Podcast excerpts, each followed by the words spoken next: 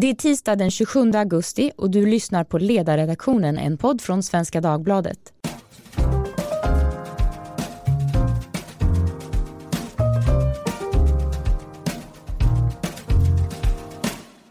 Jag heter Maria Ludvigsson och idag ska vi tala om det som upptagit mångas tankar sedan igår, när en ung kvinna sköts ihjäl i Malmö. Skjutningar är dessvärre allt vanligare men detta fall är särskilt skakande eftersom kvinnan samtidigt hade sitt nyfödda barn med sig. För att tala om detta har jag i studion med mig min kollega Lydia Wåhlsten. Hej! Hej! Och på länk från Malmö, Henrik Jönsson. Välkommen! Tack så mycket. Henrik, du är alltså bosatt i Malmö och eh, har skrivit om brottsligheten där och hur den kommit nära din vardag tidigare, så du är inne i det här ämnet. Det stämmer, ja. Men det som, eh, som eh, gäller nu, det är alltså en, en man är gripen eh, misstänkt för medhjälp till mord och för vapenbrott. Enligt Sydsvenska Dagbladet har han tidigare suttit häktad en längre tid misstänkt för narkotikabrott. Och så finns det en bil som senare hittades utbränd som också kopplas till mordet och till den här häktade mannen. Och enligt de här uppgifterna då så skulle mordet ha med narkotikarelaterad brottslighet att göra. Är det troligt du som har insikt i detta? Ja, det är väl i allra högsta grad troligt. Nu tänker inte jag göra anspråk på att försöka göra detektivarbete eller polisens arbete. Men eftersom, alltså för det första så ska man klar, klargöra att det här är inte någon hemlig information. Det här har varit ganska välkänt i Malmö under 15 års tid. Att det pågår ett kartellkrig i Malmö mellan tre stycken olika drogkarteller. Ja. Yeah. Um, och Eh, de ägnar sig huvudsakligen åt droger, men lite andra saker också. Det är eh, trafficking och um, mm. uh, organiserat tiggeri och uh, tobak bland annat. Mm. Men, men de har varit i luven på varandra sedan en, um, ett mord som ägde rum på en av um, de andra falangernas ledare och den här konflikten har eskalerat i flera års tid. När var detta mord ungefär? Du, jag kommer inte ihåg så du kan inte citera mig på det men, men uh, det, det, skulle röra sig om kanske fyra, fem år. Ja, okej. Okay. Och efter detta, det här är alltså det här är en, en brottslighet som har funnits under många år och som har ställt till det. Det är det man ser eh, effekten av. Ja, absolut. Och det, och det är många som har problematiserat det här ganska länge också. Jag, jag tror en, en sak som i sammanhanget är viktig att göra, det är att man måste göra skillnad på kriminalitetsproblematiken och migrationsutmaningar. För att folk blandar ibland ihop de två sakerna och även om det är möjligt så att det finns ett visst överlapp i rekryteringsbasen när de kriminella gängen rekryterar fotfolk Att eh, de skulle sourca det från en källa som har kommit hit som har svårt att komma in på den reguljära arbetsmarknaden, mm. så är det så att de, de kriminella gängen de har opererat allt mer framfuset i Malmö mm. under mm. väldigt många år. Om man då tänker på att det här är faktiskt brottslighetens födkrokar, eh, narkotikan och narkotikahandeln, det är det som, och även trafficking, smuggling, det är liksom det som det gror av. Och kan man tänka sig att man ska göra åt det då? Man måste komma åt eh, födkrokarna för att komma åt kriminaliteten. Arbetar man så överhuvudtaget? Eller hur, hur ser det ut när man motarbetar detta i Malmö? Alltså en, en, central del av problembilden här det är att det har funnits ganska länge starka politiska krafter som har velat arbeta för att spela ner Malmös problematik. Eh, man har talat mycket om att det här är eh, en problematik som har att göra med utanförskap mm. snarare än... Uh, man, man har helt enkelt varit orolig för att förfäkta alarmism. Um, de, de som sitter i position där de ska försvara Malmös varumärke är ju livrädda över hur stan bara associeras med ett eskalerande antal bombdetonationer och skjutningar. Mm. Uh, och, och, och, det går att förstå det perspektivet. Men i ljuset av den eskalerande kriminaliteten så kan jag inte se det annat än som något som är extremt oansvarigt. Konsekvenserna för Malmö, alltså det är redan på många sätt för sent. Konsekvenserna mm. är redan ödesdigra för Malmös demografiska sammansättning. Mm. Och vad borde man ha gjort tidigare menar du? Alltså det finns ju egentligen två huvudsakliga angreppslinjer som jag ser det. Mm. Um, och uh, jag, jag, är ju själv frihetligt sinnad. Så att mitt, mitt, uh, mitt förslag hade varit att man hade behövt se över uh, finansieringsmodellen som de här kartellerna har och de tjänar sina pengar på narkotika. Sverige har en av de sämsta resultaten på sin narkotikapolitik visat i dödlighet per capita i hela Europa. Om man exempelvis hade tittat på en, en, en partiell avkriminalisering av mm. lättare droger så hade man tagit bort en stor del av finansieringen för de här drogkartellerna. Det är ju det ena sättet man kan göra det. Det är ju inte en helt ny tanke, den har funnits delvis i debatten tidigare också. Jag vet att även Adam Sveiman på Göteborgs-Posten har skrivit om det, där man har lite grann av samma problematik i hans stad. Lydia, du skriver om detta idag. Vad är dina reflektioner? Ja, det är väl ett eh, antal får man säga, men jag lyfter nog frågan till att handla lite bredare om politiska reformer. Jag tycker att det är bra att som Henrik gör nu att dela upp migrationsfrågan å ena sidan och den här kriminalitetsutvecklingen å andra sidan. Och det är många som bråkar nu på marginalen om vem det var som hade rätt först och så vidare. Men det större problemet här tycker jag, som jag ser, det är att det sker inte viktiga strukturella reformer i Sverige. Inte alls. Nej. Och då är det så här, nu börjar vi prata om någon typ av eh, avkriminalisering då, till mm. exempel av Mariana så att man kan dra undan mattan för eh, de här gängen och, och deras inkomster. Det kommer ju inte att ske. Utan, nej, så här, det är jättebra att nu har jag sett att det är kvartal och massa olika personer, jag har själv skrivit en text om det här och det vore väldigt önskvärt. Men av någon anledning så har Sverige tappat förmågan att genomdriva större reformer. Och då är det så att på Näringslivets forskningsinstitut Ratio har man tagit mm. fram något som man kallar för reformcykeln. Den är väldigt pedagogisk. Den utgår först från vad har ett samhälle för grundförutsättningar, både socialt och ekonomiskt. Vad ser vi för problem i samhället? Då tänker man sig att efter man har sett de här problemen så börjar det utvecklas idéer för att möta då de ojämlikheter eller de liksom frihetsproblem som man ser. I nästa steg så tar vi ledarskribenter och tankesmedjor vid för att popularisera de här idéerna och göra det då till någonting som är lite mer, eh, någonting som går att tugga för politiken. Lite mer policy. Lite mer policy. Sen går det till politiken och här ska det då hända någonting i tanken. Det ska börja genomdrivas reformer. Men det vi ser i Sverige nu, i alla fall från 2010 och framåt, så har det hänt väldigt lite. Och det beror lite på vad man tittar på för område. Alltså man kan bara nämna hyresregleringen, mm. arbetsmarknaden, men även då på polisens område. En sån sak är då, som jag lyfter, det närpolisreformen. det är alltså en reform där polisen skulle bli en kommunal angelägenhet. Tanken är ju att de lokala invånarna nu i Malmö skulle kunna ställa krav på den socialdemokratiska ledningen där nere att ha agerat och prioritera på ett annat sätt. Det eh, vore ju väldigt önskvärt men det var ingen som var intresserad av det här för det uppfattades som för kontroversiellt. Nu ser vi istället en utveckling där man har allt fler eh, ordningsvakter och det här är ju någonting som kommer från nästan alla politiska partier nu. Men det här är ju en halvmesyr, man lappar och lagar istället för att genomdriva större reformer. Så jag är väl lite grann inne på det spåret. Men det här som du beskriver då, motsättningen mellan de som vill reformera och de som inte riktigt förmår. Har det bara med minoritetsregeringar att göra eller är det faktiskt också en höger och vänsterfråga? Att det, är, eh, det finns en socialdemokratisk hegemoni som har lite förhindrat just den här sortens av större reformer från det gamla folkhem-Sverige? Nej, alltså jag tror att det beror jättemycket på det parlamentariska läget, absolut. Och sen har vi också en situation där olika eh, politiska majoriteter har genomdrivit reformer som man ideologiskt sett har väldigt svårt att försvara.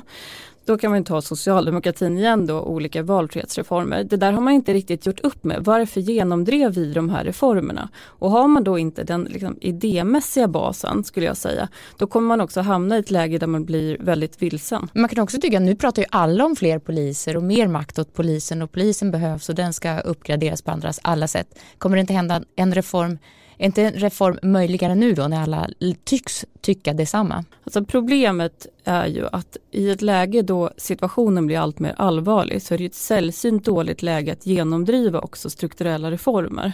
Och det gör ju att om man har glidit in i en situation som är så pass akut som jag läser läget i till exempel Malmö, då blir det ju väldigt svårt och kanske också kontraproduktivt att börja rycka i tåtarna och börja genomdriva någon större eh, reform i, inom polisen. Så att jag skulle vilja säga att eh, behovet är större än någonsin men, men chansen att det blir någon sån reform är mindre. Det låter ju eh, ganska deprimerande. Vi kan säga att vi har ringat in det ena är då det rent narkotikapolitiska området där också väl reformer känns långt borta. Det är få som talar om det mer än möjligen vi.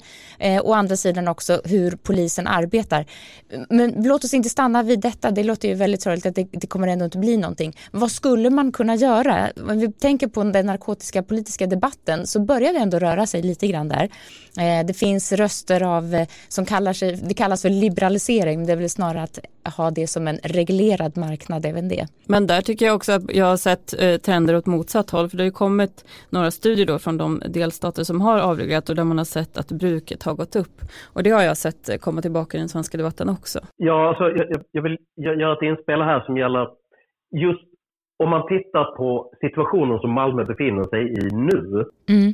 så är det svårt Även om jag personligen tror att det är en, en mer framkomlig väg att se över regleringen av lättare narkotika, mm. så tror jag att börjar man göra det nu så kommer det att uppfattas i breda väljarlager som ett extremt stort misslyckande för att man ger efter för drogkartellen eftersom man uppenbarligen har faktiskt förlorat kontrollen över situationen. Det hade varit mycket bättre om man hade haft lite framförhållning och gjort det här, börjat arbeta med de här frågorna för tio år sedan innan kartellernas makt hade blivit så stor att man måste agera ur desperation med att försöka komma någon slags legalisering för, för, för att uh, rå på dem.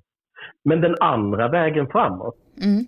det, är ju, det är ju helt enkelt att, att, att rampa upp konfliktytan med gängen genom en, en radikal liksom, en, en, en upprustning av polisen på ett sätt som vi inte har sett i Sverige tidigare.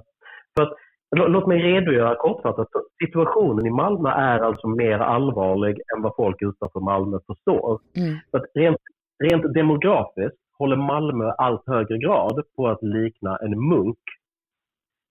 Därför att själva Malmö kommun dräneras av kompetenta människor.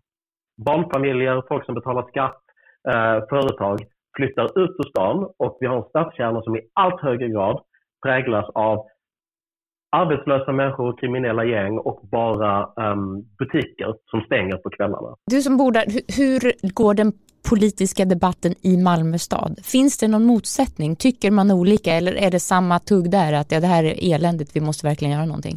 Där, där, skulle jag vilja säga att debatten har pendlat från en önskan om att skönmåla Malmö och betona Malmös fördelar med den, den pluralistiska gatubilden mm. och, och den typen av saker och samtidigt å andra sidan försöka ropa på hjälp från statligt håll på grund av att, jag menar, ni, ni vet lika väl som jag att Malmö är Sveriges mest underfinansierade kommun. Det, det, det åtnjuter ju 5 miljarder av det kommunala utjämningssystemet här. Uh, vilket skattekraften är extremt låg och fallande, vilket också är en konsekvens av att white flight och brain drain helt enkelt. Den, den, den, den produktiva medelklassen lämnar stan på grund av att skolorna inte fungerar och just för att kriminalitetsnivån är så hög.